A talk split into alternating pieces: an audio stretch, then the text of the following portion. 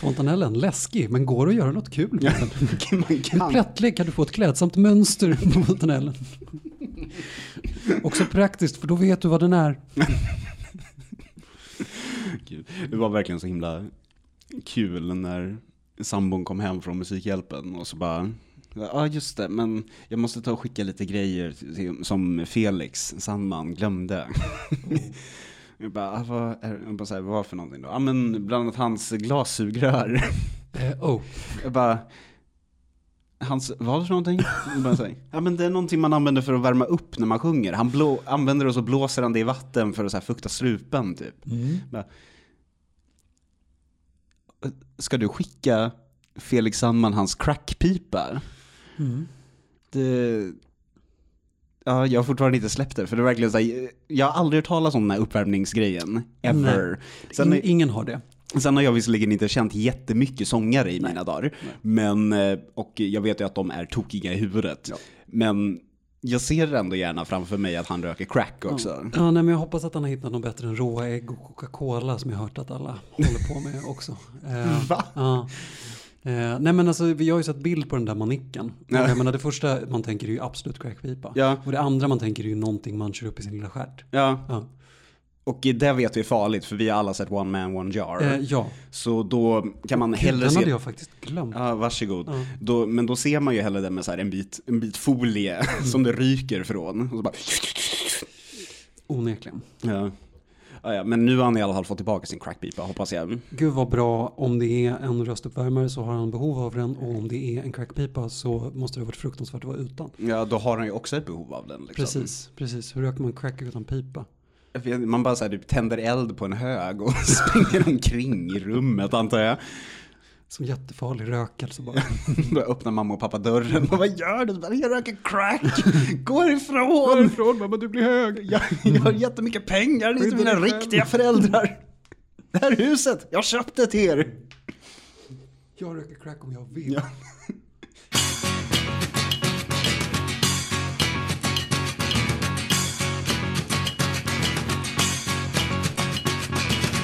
Ja, hej och välkommen till det 31 avsnittet av Killgruppen. Wow.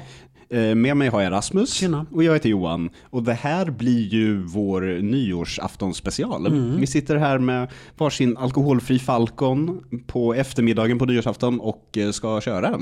Det är nästan spännande. Mm. Det är också första avsnittet sen det gick ett år sedan vi började spela in. Så det är lite jubileumskänsla också tänker jag. Ja, den 22 december förra året släppte vi vårt första avsnitt tror jag. Just, just det, när julledigheten kom på. Ja. Det var det som fick oss Jag samman. och, jag satt och redigerade och laddade upp det på tåget till Örebro, minns jag. När du skulle fira jul. Ja, Mm. den, sista julen. Den sista julen. Men det var ett jävla tag sedan vi sågs. Vad har du gjort sen sist? Nej men det har, det har väl hänt ganska mycket grejer tror jag. Det har ju varit jul. ehm, vilket alltid mer eller mindre är väl ganska dramatiskt liksom. Ja. Vi skulle ha firat med min eh, flickväns familj. Mm. Ehm, och det var väl ett ganska skuldbaserat beslut. Alltså inte för att vi har någonting emot dem överhuvudtaget. Utan bara för att det är så här. Det, det, jag, det har alltid funnits liksom enklare och bättre sätt att fira. Vi har alltid träffats runt jul. Ja. Men inte på själva julafton. Mm. Och jag försöker hela tiden säga att jag tycker att det är, för att julafton i sig är ganska odramatisk. Men när det kom upp att vi inte skulle fira med min familj så tyckte jag ändå att det kändes lite konstigt liksom. Ja. Så att jag är bara självupptagen. Eh, så sen så ställdes ju det in på grund av corona. För de Mm. bor inte i Stockholm, kan inte komma hit. Eh, och då hamnade vi i ett beslut om vi skulle fira med min familj eller om vi inte skulle fira överhuvudtaget. Och Mm. Det var lite dramatiskt och var svårt att prata om. Vilket gjorde det till en konflikthärd. Fast vi egentligen inte tyckte olika. Liksom. Det var bara mycket skuld och mycket sorg och sådär. Mm. Sen så fick min styvfarsa corona. Eh, och vilket gjorde att hela julplaneringen som det skulle bli. Eh, tillsammans då med att restriktionerna ökade och sådär. Ja. Eh, var olika varje dag. Och min flickvän som har lite, hon har haft problem med att vi inte har varit en liksom familjär enhet. Mm. Eh, utan där jag jobbar väldigt mycket mot min familj och sen delger henne. Och att vi inte tar tillräckligt mycket beslut tillsammans. Ja. Eh, och när vi då har tio olika personer som vi ska försöka få ner till åtta. Där alla personer tycker olika saker och där en plötsligt får corona. Och det ska vi, där vi ska försöka bryta oss ut de här olika konstellationerna så var det väldigt svårt att ha en liksom enhetlig kommunikation överhuvudtaget. Vilket också ledde till en massa konflikter. Sen så började min styvfarsa må väldigt, väldigt, väldigt dåligt. Mer än vanligt. Ja, Mycket mer än vanligt och också till följd av det vanliga tror jag. Mm. Alltså jag tror att mm, i hans, de problem som han har utan att gå in på vad det är. Mm. Så var att vara liksom så handikappad som man blir av corona blir, blir liksom dubbeltrubbel. Han är väl också Eh, lite prone för dödsångest. Ja. Mm. Ehm, så att det ja, slutade med att han blev inlagd på sjukhus och sen så slutade det ju ändå med att han var ju den som var säkrast att vara runt för att han blev ju friskförklarad tre dagar innan jul. Ja. Eh, men det var också en av de grejerna som sen då skulle ändras för då skulle han vara med. Så från att vi skulle ha firat jul med hennes föräldrar till att vi skulle fira jul själva så skulle vi fira jul med min familj och sen skulle vi fira jul själva igen. Och sen skulle vi fira jul med min mamma och sen med min mamma och min lilla syster. Ni borde och bara haft ett öråd. Med min mamma, min lilla syster och min styvpappa. Eh, och sen skulle jag då försöka att ha en enhetlig familjär konversation om det här. Och det gick inget bra. Nej. Ehm, sen så eh, när det här släpps så har jag redan firat nyår med min pappa. vilket innebär att jag kan också erkänna då, om han lyssnar, även om han lyssnar. eh, Att jag råkade bjuda in honom. För att han sa att han skulle, vi var åt middag och sen så vad skulle han sa att han, skulle, han fick inte vara hemma och så skulle han Varför fick han inte vara hemma? men för? därför att min lilla syster ska ha fest för hon är 16. Ja. Ehm, och då så bara blabbade jag ur mig att, att efter att ha lovat min tjej att vi skulle få vara hemma själva. Så blabbade jag ur mig att men du kan komma. Och, och nu ikväll så kommer de dit. Och ing, ja, jag vet inte om någon är glad. Alltså det ska bli jättetrevligt, jag älskar att hänga med min pappa. Men det var verkligen inte så här vi skulle ha planerat det. Nej. Eh, vilket också har gjort att jag och min tjej har, har byggt på lite. Ja, det, Det- var inte heller att, att, att, att ta beslut som en familjär enhet. Så att jag, kan bara, jag kan egentligen bara lägga mig platt inför vad hennes eh, kritik. Ja. Ja. Det kommer bli mycket mumlande i varsitt ända av rummet liksom. Ja, ja, precis. Jag tror, jag, ska, jag tror bara jag ska hålla mig borta ett tag faktiskt. Jag tror hon ska få, få gosa loss. Sen har min katt kastrerats. Det var ett fucking helvete. Han är ett svin redan innan. Nu ska han ett svin med en tratt som hoppade in i allting och försökte bita sig själv i ballarna. Vig som ett jävla... Ah, Det är så himla, den bilden du skickade när ni hade satt på honom en papptallrik istället. jävla arg. Åh, han har varit så arg. Han liksom, på något jävla vänster också har han fått till ett sätt att han lägger sig på rygg, vänder, Merlin Manson vänder liksom bakkroppen in i tratten, biter sig själv i penis och drar in den sargade pungen. Så man har liksom fått så här smälla pungen ur händerna på honom och bara nej! Hela tiden. Jag, är- jag är bekant med hur det går till. Åh, herregud alltså. Ja. Eh, Men nu, ja, hans eh, så kallade utstuderade könsbeteende har inte gått över än. Nej. Så att han håller fortfarande på och skriker efter hyndor från fönstret. Eh, Men det, ja. Så att, nej, men det har varit eh, a lot i hemmamiljön liksom. Jag ska Ja. inte ens prata om jobbet. Hur har det varit för dig? Eh, Det har varit faktiskt väldigt lugnt eftersom inte, det blev inget åkande någonstans. Så eh, det första vi gjorde var ju att åka och träffa min sambos familj nere i Tranås. Och vi insåg att det var så mitt emellan vart alla bor i landet. Och då var vi inom Folkets park där och typ grillade och hade julklappsbyte. Eh, Och sen på själva julafton så gick vi bara över till två vi har träffat under större delen av den här pandemin. Och så julade vi till där, lagade lite mat och bytte lite julklappar och sen åkte man hem helt enkelt. Och sen på annandagen så till samma personer så beslutade vi oss att göra kalkon. Eh, Och det gick jättebra när den var eh, öst i sojasmör. Och ja, vad ska vi göra idag på nyår? Jag och sambon ska bara göra mat. Som sagt, vi har hummerfonden är klar. Så, Vi, vi spelar in det här i en, i en ofattbar eh, väldoftande hummerdimma. alltså, doft, doften av sjö och saffran. Så ja, det är väl typ det. Vi skulle ha gått på ett eh, litet nyårsfirande men vi insåg att det mm, kändes som att det var lite för mycket folk kanske på det. Så vi hoppade och bara gör mat själva.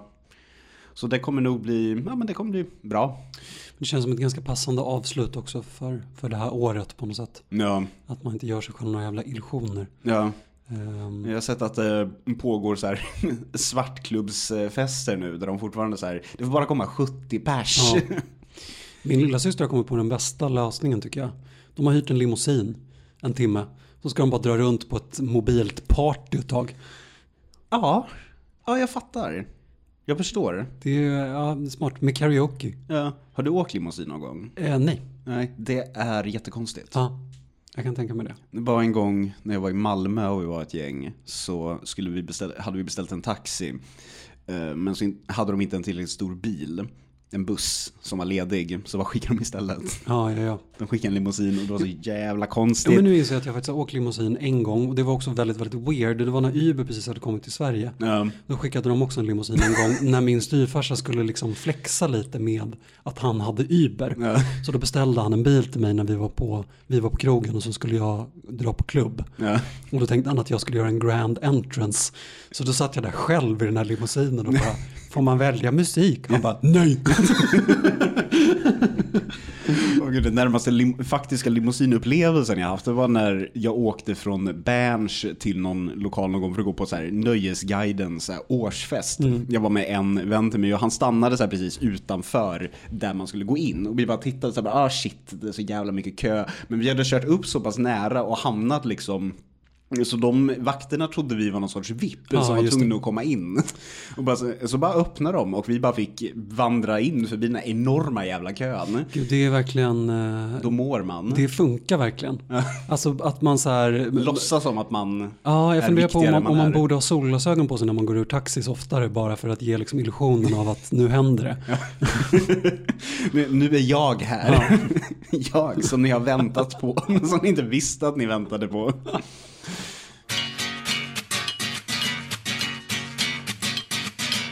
Ja, eftersom det här blir ett lite speciellt nyårsavsnitt så bjuder vi inte på eh, två stycken heta, heta takes. Utan vi bjuder på en mängd trendspaningar för 2021. Så det är väl bara att sätta igång helt enkelt. Ska jag börja? Eh, Gör det, för när du säger en mängd så känner jag mig som att jag har eh, underpresterat lite. Äsch då. Jag, jag kan bara inte hålla käften. Eh, Men då, det första som jag tror kommer vara inne är office casual kläder. Oh, Eh, För liksom, streetmode har ju varit på något vis normen väldigt länge för manskläder. Men det har ju liksom flutit ihop nästan ännu mer med ungdomsmode. Som i sin tur bara har blivit mode för ungdomskriminella. Så jag tror att och också det i kombination med att vi eh, då de facto har suttit inne ett helt år. Så jag tror att folk kommer vilja vara lite lagom fina. Och samtidigt när de väl är ute inte bli tagna för pissrånare. just det. Just det. Eh, dags för motspaning. för att av alla mina tomma spaningar så har jag faktiskt en som, som behandlar exakt samma ämne. Oh. Och det är exakt motsatta tes. Eh, även om det inte har med riktigt streetmode att göra. För jag tänker inte hålla på och försöka spå i vilken av alla fruktansvärda trender kommer vara det som gäller nästa år. Eh, för min tid som modeorakel är eh, sedan länge eh, förbi. Ja, det är inte Eh, mitt, vill jag bara upplysa okej, okej. lyssnarna om. Eh, tryggt. Jag var Eh, väldigt tidig med att bleka håret. Det, det var du. du Ja. Adidas-byxorna satt som de skulle när andra började ha det. Ja, bomb, bomberjackan var redan kastad åt helvete när de andra började skaffa skitdyra parajumpers. Just det, just det. Nej men för jag tror nämligen att eh, det, det gamla sättet att lite prova på att hur det är att byta stil, det vill säga att sätta på sig sin nya coola eh, pälsjacka och gå ner till det lokala ikat och handla för att se lite hur det känns. Eh, det tror jag är liksom sättet som vi kommer leva inledningsvis nästa år. Eller det är ju sättet som vi har levt på mycket i år. Se världen som en catwalk. Och när man har en, ett så kallat eh, eh, en essential worker-tjänst eh, så är det ju en ganska limiterad grupp människor man träffar. Ja. Och de är ju så jävla tråkiga. Och där förstår jag vad du menar med business casual. På bussen till jobbet så är det inte direkt kul stämning. Och det är inte direkt diskokläder som händer. Nej. Men jag har börjat använda jävligt diskokläder. Jag har liksom eh, verkligen kommit out of my shell. Det beror dels på att jag visar upp mig för mycket färre personer. Vilket gör att jag känner mig mycket säkrare säkrare i, alltså för att jag menar jag stack ut lite innan också för att jag ser så fruktansvärt cool ut. Ja. Men, och då kände jag att men då fyller det ingen funktion att hålla på och gömma mig. Och jag tror att i början så kände jag mig bara ganska avslappnad i att ingen tittade på mig. Och sen kände jag mig jävligt besviken för att Ja. ingen tittade på mig. Så nu har ju jag liksom, jag har glitterskjortor och utsvängda jeans. Och det har jag alltid velat ha. Jag har ju liksom provat på att ha utsvängda jeans Ja men du har sagt, du, under tiden vi har känt varandra har du sakta men säkert närmat dig den åldrande Nick Cave klädmässigt. Eh, liksom. Precis, precis. Och det har ju varit ett försök jag har gjort ända sedan vi träffades. Ja. Jag började ju med utsvängda jeans redan då, men vågade ju aldrig ha det. Nej, du hade Eh. dem, tittade på dem och sa en dag. Eh, många gång har jag stått framför spegeln och sagt jag borde ha hatt. Ja. Eh, och vad heter det, så, och, eh, d- munskydden gör också sin eh, beskärda del av det här. Okej. För att ingen känner ju igen den. Alltså jag, alla dåliga dagar jag har haft har ju bara varit att slänga på sig ett munskydd och det kommer ju gälla för alltid. Alltså Ja. det kommer aldrig vara inte socialt accepterat att ha munskydd igen. Nej, Eh, det är utan- globalt nu, nu är det inte bara i Östasien. Precis, och om någon har det så kommer man ju bara good for him. Mm. Så här, tar ansvar. Nu känner jag mig lite tryggare att vara nära honom.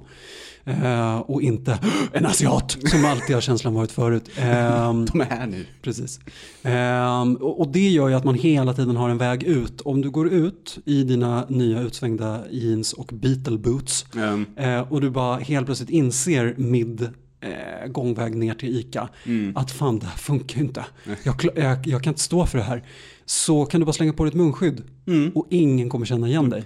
Eh, Jag känner också att jag måste tillägga att om jag väl hittar ett par cowboyboots nere på min lokala Erikshjälpen, då köps de. Eh, eh, hatt också, cowboyhatt. Ja, gud ja. Alltså nu har vi, eh, vi, vi har ett, ett kryphål här. ja. Eh, vi kan klä ut oss utan att någon vet vilka vi är.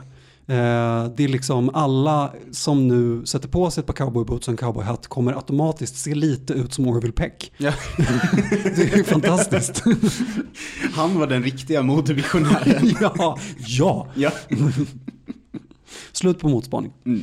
ja, men då kan vi gå vidare till min eh, nästa grej som jag tror kommer vara jätteinne 2021. Eh, apati. Mm, mm. Eh, och det, kän- det är lite, vi har ju rätt misslyckats med att vara empatiska som liksom art Ja. under 2021, eller 2020. Och eh, jag tror att eh, det kommer nog fortsätta. Och vi får helt enkelt se vad resultatet av det kommer bli, men som vanligt sätter jag mina pengar på nationalism. Eh, absolut. För det känns ju som att det är, med tanke på världsutvecklingen, eh, misstänksamheten mot ens granne, eh, det kommer bara bli nationell isolation liksom av det hela. Så det blir inga mer solsemestrar. För vi kommer inte komma längre än till Öresundsbron. Precis, det finns också ett, ett, så här, ett generellt hot mot allting som kommer in i vårt land. Exakt. Nu, så att det, det, jag är nog med dig där. Jag, jag har en, en, en snarlik spaning där också. Eh, men den är väl nog mer, alltså det är apati men det är mer affekterad apati. Mm. Eh, och det, det är väl lite som att, eh, alltså det, det känns som att i alla våra nationella trauman Mm. eh, baltutlämningen, nazisternas eh, transporter av järnmalm, eh, att man inte var på Bob Marley på Grönan. Eh, har, allting har ju liksom gått från att man inte pratar om det, man ljuger om det och sen så landar man i någon form av, så här, ah, vadå då? vad, vad skulle vi göra? Vad, skulle jag sagt att jag inte var på Bob Marley? Vad spelar, ja, eh, vadå, vad skulle vi, om vi inte hade låtit tyskarna köra järnmalm, vad, vad skulle ha hänt då? då? Vad, vad skulle ha hänt liksom?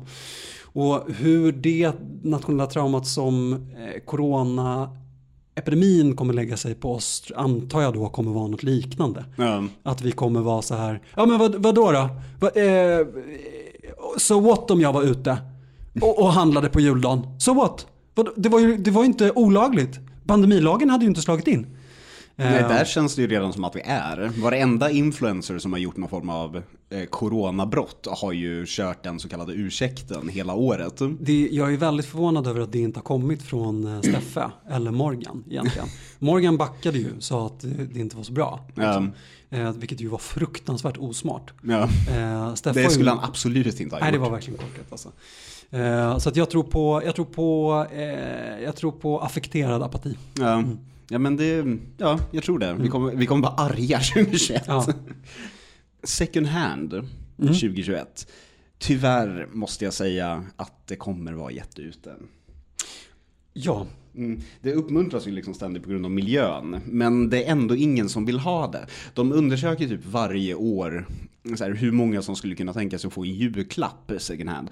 Och typ ingen vill ha det. Nej. Och det kommer ju bara bli värre nu i och med bakterierädslan. Och eh, handla online har ju gjort att folk blivit ännu mer fästa vid nya och fräscha saker. Och jag säger, jag säger inte att eh, det kommer vara så här bara för att jag vill ha mina stammisbutiker i fred. Nej. Men jag säger ändå att det kommer vara så här. Tyvärr second hand ute 2021. mycket, mycket möjligt. Ja, jag kan nog stödja den tesen tror jag. Ja. Eh, min nästa trendspaning är nedläggningar. Oh. Och det är någonting jag tror att vi redan har sett börja komma. Eh, och någonting som kommer bli jävligt stressat att göra nu när, när vaccinet är på väg och sådär. Ja. Eh, det som vill läggas ner kommer läggas ner och det är illa kvickt. Det finns ett, ett, eh, ett kryphål just nu där man kan göra lite banana saker som bara kan få passera. Ja. Eh, Jag menar det kommer, inte, det kommer inte bara passera i tystnad men det kommer vara jävligt svårt att göra saker åt det. Eh, till exempel så försöker ju sossarna eh, lägga ner arbetsrätten.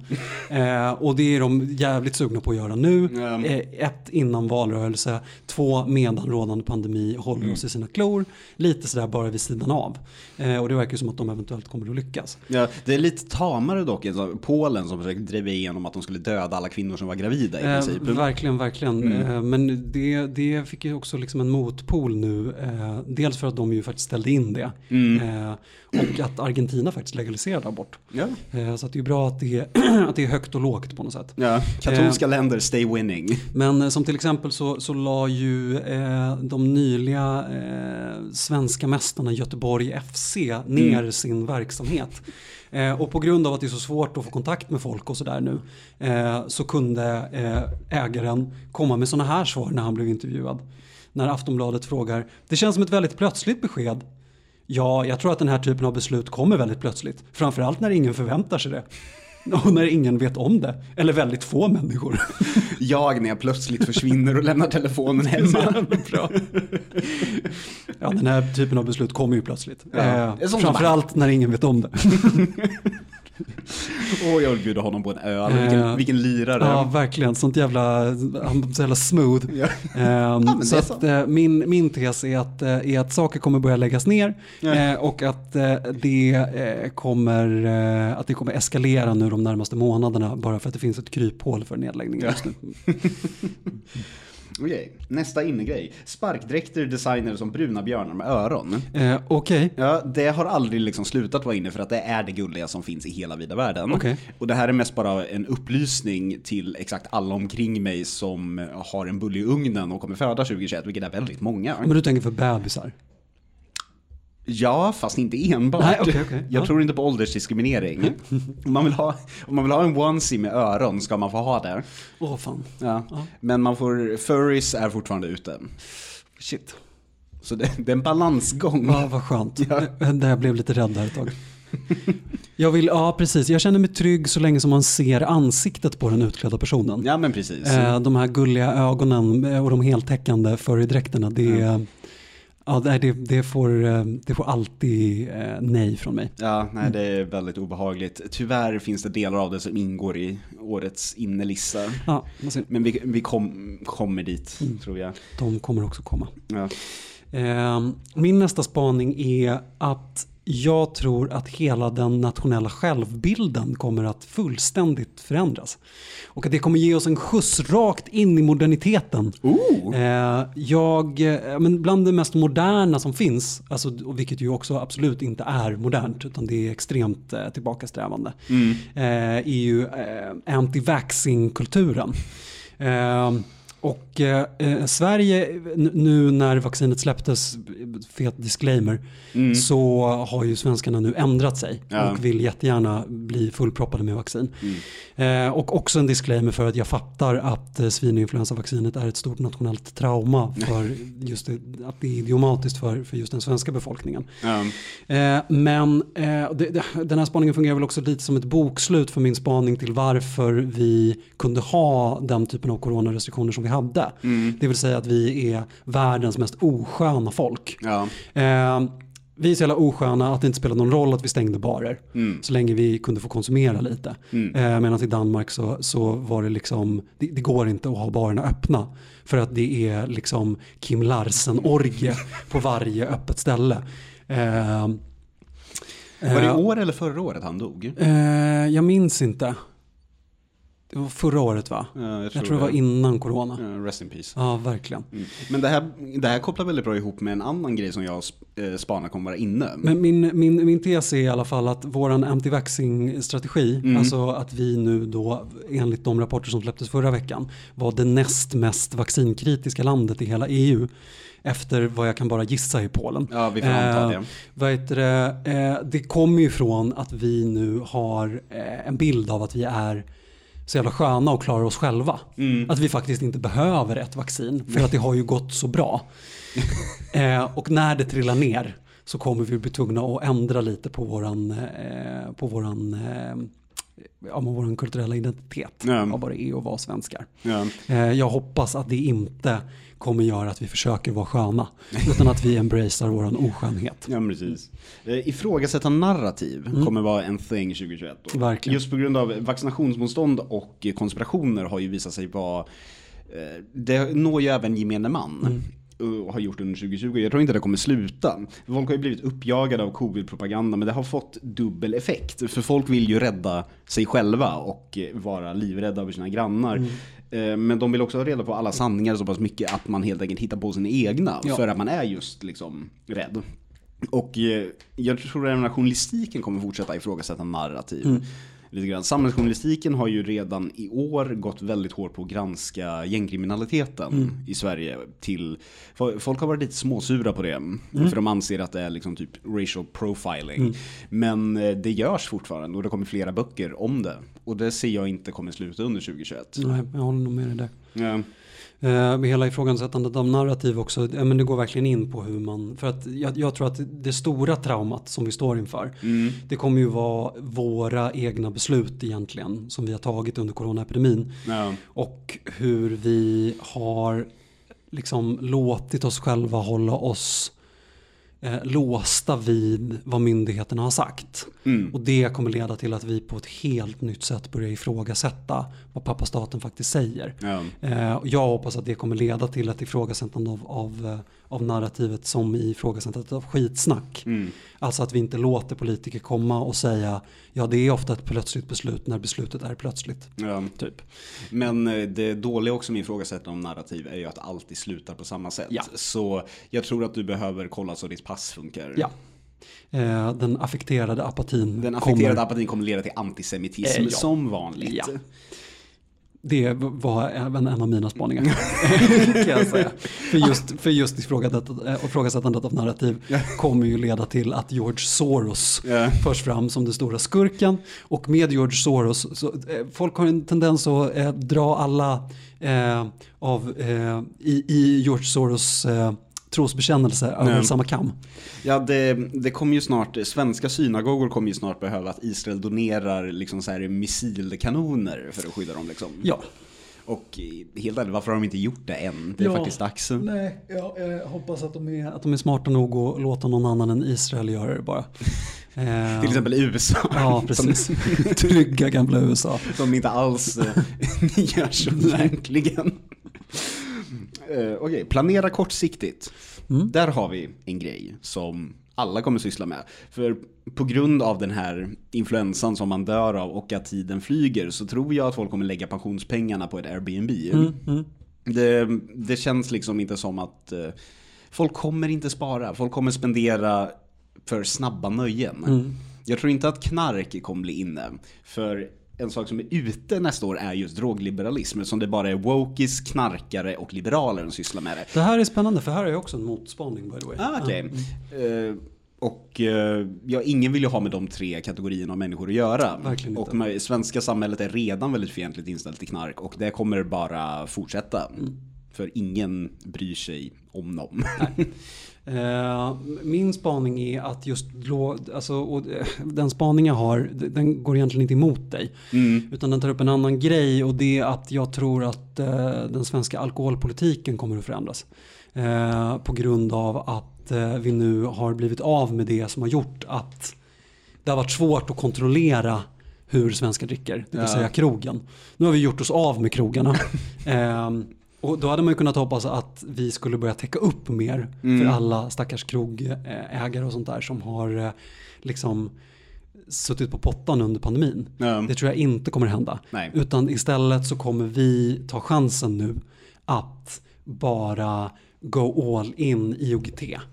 Eh, jag tror att, jag, jag, jag tycker det känns som att i och med att det är så många som har varit hemma så är det så många som har rent skuldmedvetet valt att ha vita jular. Ja. Jag tror att nykterismen, eh, den verkliga pandemin, Mm. eh, kommer ha sitt stora genomslag. Jag tror detsamma för tredje punkten nerifrån på min utelista är alkohol. Ja. Och det handlar inte om att jag har någon grund för det, det är bara en känsla. Ja.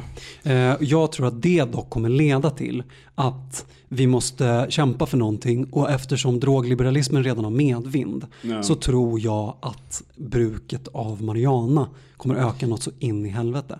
Mm. För att det är någonting som man nästan lite kan legitimera. Alltså det är ingen, ingen blir arg på sina barn när man röker gräs. eh, och en känd artist eh, sa en gång till mig när vi träffades på krogen när han var jätte, jättefull och bara drog mig nära till sig och med eh, en Fernet-andedräkt viskade i mitt öra. Rasmus, vet du hur många kvinnor som inte skulle bli slagna ikväll om man inte bara, om man bara rökte en gås istället. Och jag undrade varför säger du det här till mig? Men hade han full? fel? Men han har ju rätt. Ja. han hade rätt. Ja. Ehm, så att jag tror att eh, en viss typ av drogliberalism kommer öka. Eh, ta mig till nästa punkt. Ja. Ehm, och det är vad heter det, att eh, Liberalerna nej. är på min innelista. Va? Vi gör alltid fel. Sverige gör alltid fel. Vi är ett sånt jävla dåligt land. Eh, vi kommer eh, liksom bli någon slags trygghetsknarkande idioter. Eh, Men vi då är kommer, ju liberalismen inte det. verkligen. Men vi kommer få panik över att Liberalerna är på väg att åka ut ur riksdagen. Och vi kommer skuldmässigt rösta på Liberalerna. Liberalismen kommer vara ute, men vi kommer rösta på Liberalerna i alla fall bara för att vi ska få ha kvar vår trygga konstellation i riksdagen. Har det någonting att göra med etnicitetskvotering i riksdagen? Ingen aning. Vi får se. Jag har ingen aning om vad folk kommer komma med för bortförklaringar. Skitsamma, Liberalerna kommer sitta kvar i riksdagen. Men Och det, och det är skitdumt. Ja. Var inte det samma grej som vi också gjorde med Kristdemokraterna när de var på väg att åka ut? Då började en massa människor stödrösta. Ja, men de har ju, de har ju kamrat, eh, kamrat 4% i, eh, eller kamrat 6% i, vad heter det, i, i borgerligheten. Ja. Eh, Och jag hade hoppats att, att Centerpartiets och Folkpartiets eller Liberalerna då om man ska vara petnoga. Att deras svek mot, mot den allmänna borgerligheten genom att ingå i den här januariuppgörelsen. Ja. Eh, att det skulle göra att det eh, far åt helvete. Mm. Men nu har ju Nyamko Sabuni börjat eh, smutta på den borgerliga skålen. Liksom. Har de det? Eh, ja, hon har sagt att hon inte tror att det kommer bli en liknande konstellation i nästa, jag har nästa ändå val. fått lite känslan i debatter jag sett ni att hon är sugen på att suga på lite sossetår. Ja, det tror inte jag. Jag tror att eh, sossetår är verkligen på min utelista för nästa år. Jag tror ingen kommer vilja ha någonting med sossarna att göra nästa år. Nej, inte ens deras fötter. Nej. Hur, pedi- hur bra pedikerade de än är. Och de brukar vara bra pedikerade. Ja, ja. Har du sett Juholt står? Finns det feet på Juholt? Det hoppas jag verkligen. Åh, nu, nu rann det te.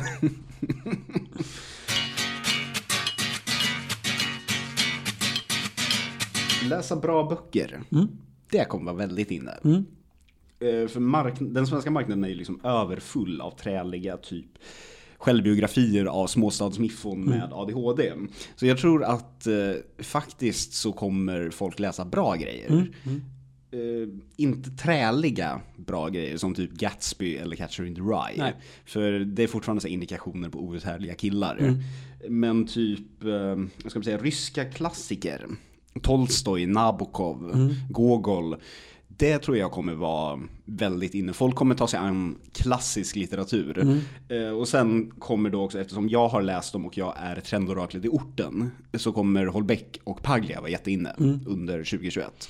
Ja, men jag kan nog stödja din tes. Jag tror att saker som behandlar var vi kommer ifrån och saker som behandlar var vi är någonstans nu kommer vara väldigt stora. Ja. Och den typen av... Camus fick ju också ett uppsving i början av pandemin. Ja, men det liksom. var ju bara för att han har, eh, för att han har skrivit pesten. Ja, ja, men han fick fortfarande ett uppsving. Ja.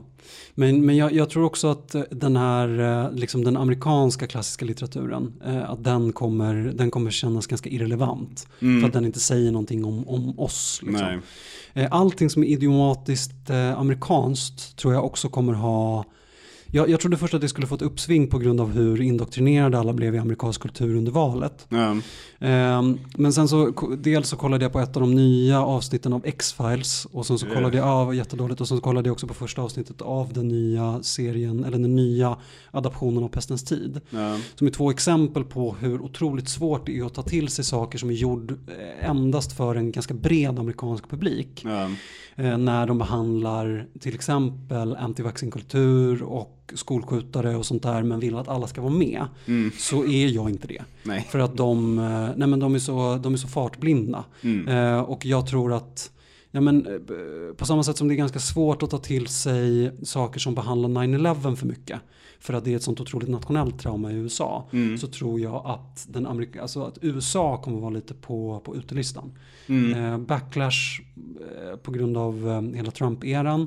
Eh, den progressiva amerikanska grejen, det kommer fortfarande vara inne. Mm. Men den amerikanska liksom, hegemonin i populärkulturen tror jag inte kommer ha samma genomslagskraft. Ja. Eh, och, och det kommer man kanske fylla då med ryska, och, ryska gamla klassiker och franska nya klassiker. Ja, det du sa om USA är intressant, för min lista över innegrejer också identitetspolitik på steroider. Och det har lite att göra med min tidigare spaning om hur, vad som skulle hända med den om Biden vann. För det jag sa då var ju att den skulle bli eh, värre, för att det visar sig att den har varit fruktsam i och med Bidens valkampanj som väldigt hårt har pushat där. Och bara kolla liksom hur Harris förs fram nu som den faktiska presidenten i princip.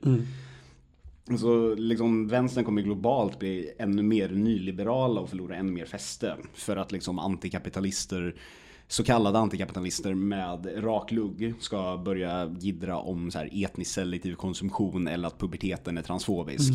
Och det ser jag bara kommer fortsätta under 2021 och vara fortsatt stort. Det är ju det är ju fullt möjligt. Eh, Det ska bli intressant att se vilken väg som de tar i USA. För att de har ju en sån otroligt krav på sig med, för att hitta en, enighet. Och jag vet inte vilken väg de kommer ta där. Alltså det, är, det är ju identitetspolitik. Mm. Så det kommer ju att behandlas men de kommer att behöva vara inkluderade på ett helt annat sätt än vad de har gjort förut. Alltså för att identitetspolitiken är ju en USP som bara funkar för alltså ung, ung vänstercrowd. Ja. Eh, men de kommer ju få med sig, de kommer ju behöva få med sig Detroit liksom. Ja. Eh, och då tror jag inte att identitetspolitiken är, är lika het. Eh, så att det, det kan nog bli någon så här gampolitisk grej också. Ja. Det, det ska också bli spännande hur den svenska vänstern gör i och med att, alltså, att LO till exempel är jävligt kritiska till sossarnas behandling av det här. Mm. Och att vänstern är det. Och hur, hur de ska samarbeta för att, att deala med vårt nationella trauma och sådär. Mm. Och vad det kommer göra med, alltså vilken väg som vänstern tar. För de kommer ju mer verka tror jag som ett klassiskt oppositionsparti. Mycket på grund av att de kommer bli tvungna att behandla sossarnas misslyckande under pandemin så himla mycket. Ja.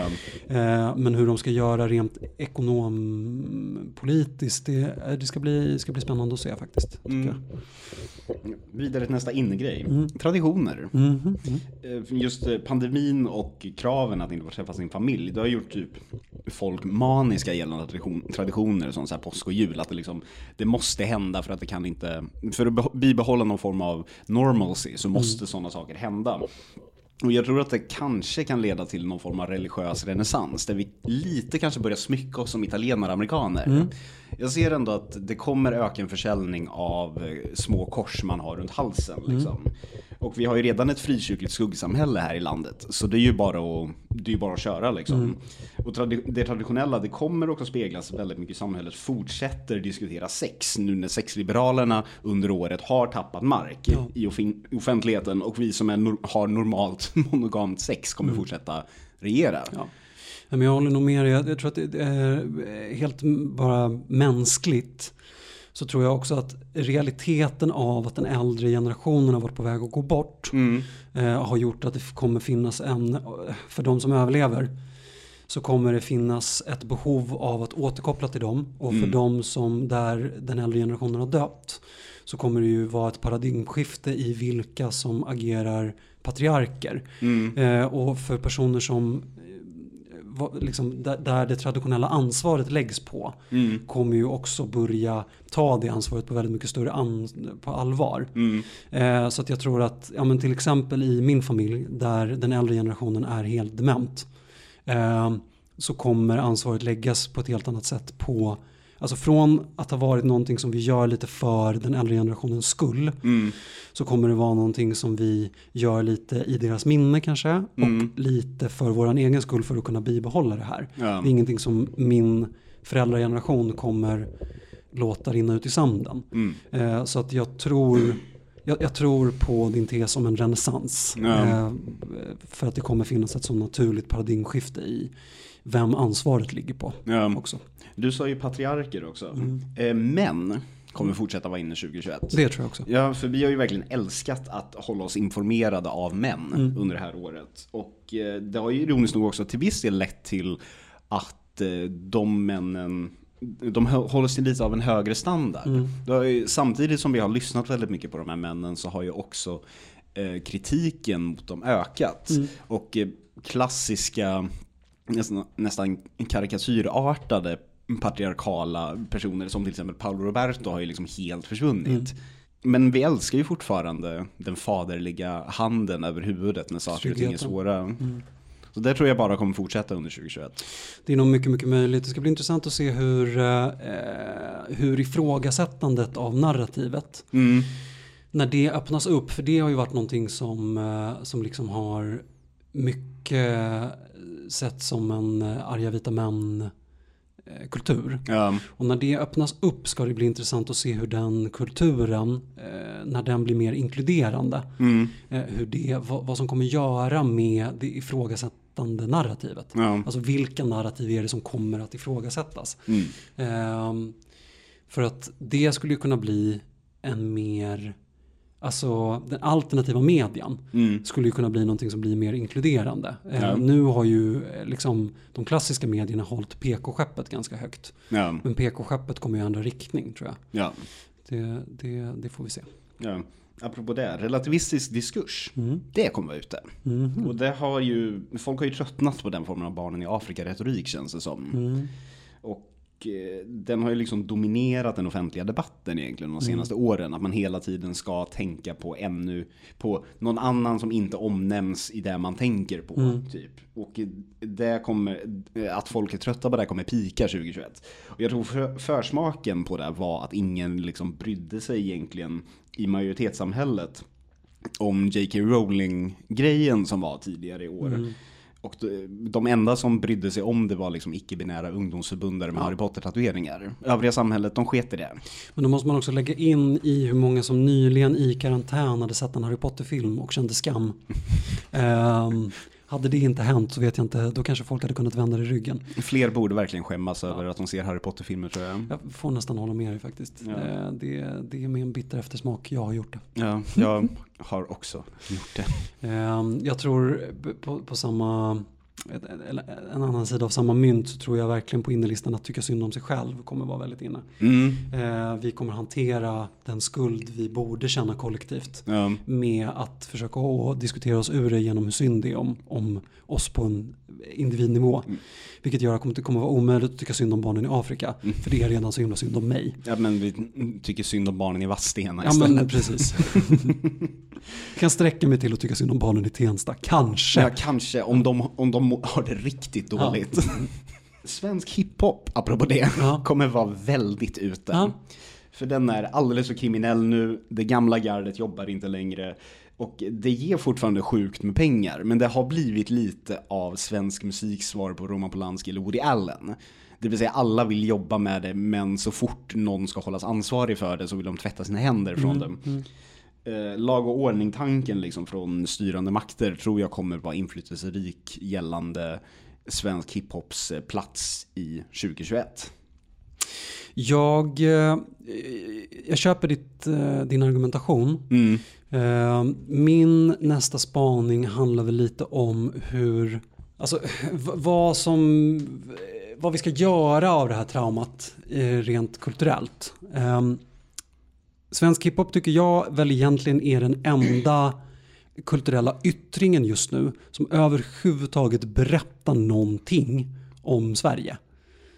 Alltså det, och det är den enda genre i musik och inom media överhuvudtaget som har någon form av humor. Mm. Alltså som har någon form av självdistans. Mm. Eh, och där man kan berätta saker liksom på, ett, på ett roligt sätt. Eh, det görs ganska mycket hiphop tycker jag. Alltså, det ska ju också sägas att jag inte är någon kondensör av hiphop. Jag hör bara det jag hör på radio. Mm. Eh, och jag lyssnar bara på radio som någon form av bakgrundsskval. Mm. Men jag har ändå hyfsat koll på den musik som görs och sådär. Och jag tycker inte att någonting, varken på film, tv eller musik, berättar ett jävla skit om Sverige. Nej. Jag tycker vi har en sån jävla, jag tycker vi har en sån otroligt låg, eller vi har en sån jävla oförmåga att hitta någon form av liksom nationell eh, arketyp för hur vi gör kultur Ja. just nu. Vi, vi har arketyper, men de är så jävla usla. Alltså det är liksom, det enda vi kan skämta om är medelklassen. Mm. Och så gör man det i Solsidan.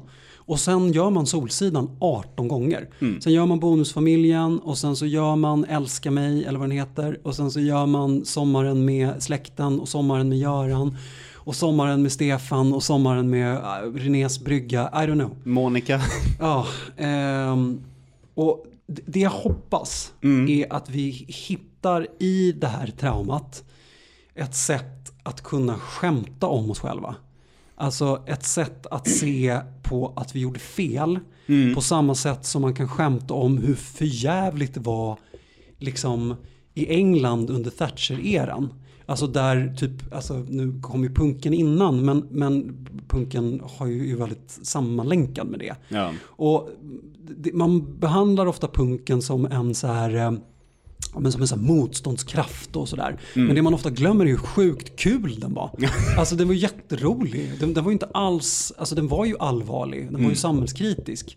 Men det var ju liksom, hälften av alla Clash-låtar är ju ganska fyndiga alster. Ja. Och fyndighet är ju en typ någonting som bara finns i hiphopen nu. Mm. Och alla filmer som görs, alltså det görs ju svensk kvalitetsfilm fortfarande. Det, jag ska inte blunda för det. Det görs Äta, sova, dö, det görs Sameblod.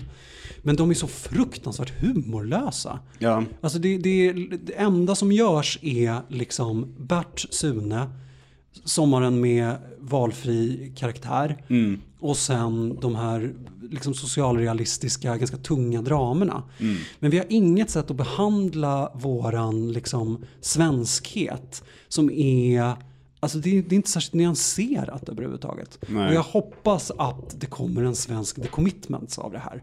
Jag hoppas att det kommer en svensk Cykeltjuven, alltså som lyckas kombinera socialrealism med genrefilm kanske. Mm. Ehm, och jag hoppas att det nationella traumat kan få oss att diskutera svenskhet på något annat sätt än att det är någonting som liksom ska, för att det, hur vi än gör det så är det. Ja. Och det är inte bara någonting som ska tas bort för att det är invandrarkritiskt att vara svensk, för det är det inte bara. Och det är inte heller någonting som ska tas bort för att vi är avundsjuka på, på USA.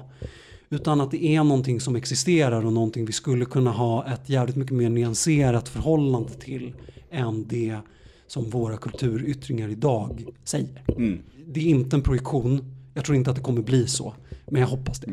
Eh, apropå kulturyttringar, spoken word kommer vara jätteute. eh, och jag tycker att spoken word är en vidrig företeelse varje år. Ja. Eh, men covid har gjort att vi har sluppit alla de här fysiska eventen. Det kanske har så här dykt upp någonting när vi har scrollat på Instagram. Men då har vi kunnat scrolla därifrån. Mm. Eh, Och den har liksom tagit stopp i Sverige. Och även i år har en av de största arrangörerna av spoken word-tävlingar i Sverige blivit inblandad i någon sorts eh, homofobiskandal. Som har att göra med någon tävlande som jag antar sa typ bögar borde kastas från hus och sen har de intagit avstånd eller något. Och om det är något som svenskar alltid tar performativt avstånd ifrån så är det ett antisemitism och två homofobi. Det ska man ta avstånd ifrån oavsett hur man egentligen känner. Vi är så bra på att ta avstånd från det att vi är dåliga på att ta avstånd från det. Ja, men Att vi precis. bara säger blankt nej. Exakt. Ja. Men det ändrar inte att spoken word kommer vara jätteute 2021. Och fy fan vad härligt, Ja, som vi har äntligen. väntat på det här. Det är också den konstform som det liksom är mest kompatibelt med att man står och spottar på varandra. Det kommer inte gå att göra efter den här pandemin. Nej. Gud vad skönt. Åh gud, det, det, så långt hade jag inte ens tänkt. Det här kommer ju vara helt fantastiskt. Ja, underbart. Åh, gra- grattis samhället. en värld fri från spoken word. Ja. Tack pandemin. Ja men tack pandemin. Nu har jag tyvärr bara en grej kvar på utelistan Bra. och den är extremt tam. Eh, hudvård kommer tyvärr vara jätteute. Ja. Vi, vi har varit inomhus och har slutat ha syra i fejan frivilligt. Och vi har omfamnat vårt ögonbrynsmjäll. Ja. Och jag tror att det kommer fortsätta, tyvärr. Även där går ju min munskyddsspaning in. Ingen kommer ju se vårat glow. Nej. Så vem bryr sig? Nej, eller hur? Fuck glow, fuck hudvård. Hej då 2020.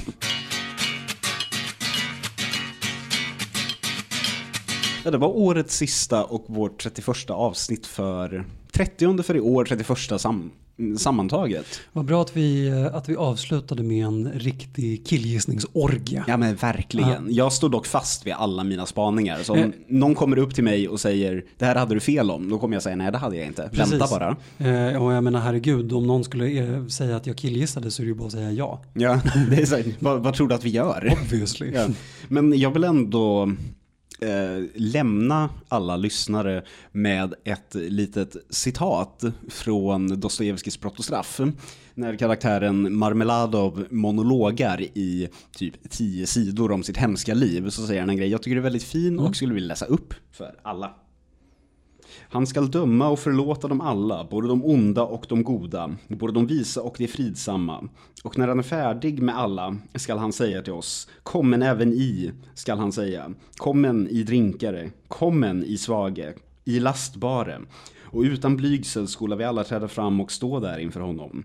Och han skall säga, I är en svin, I är en djurs beläten och i bär en djurisk prägel, men kommen och ni.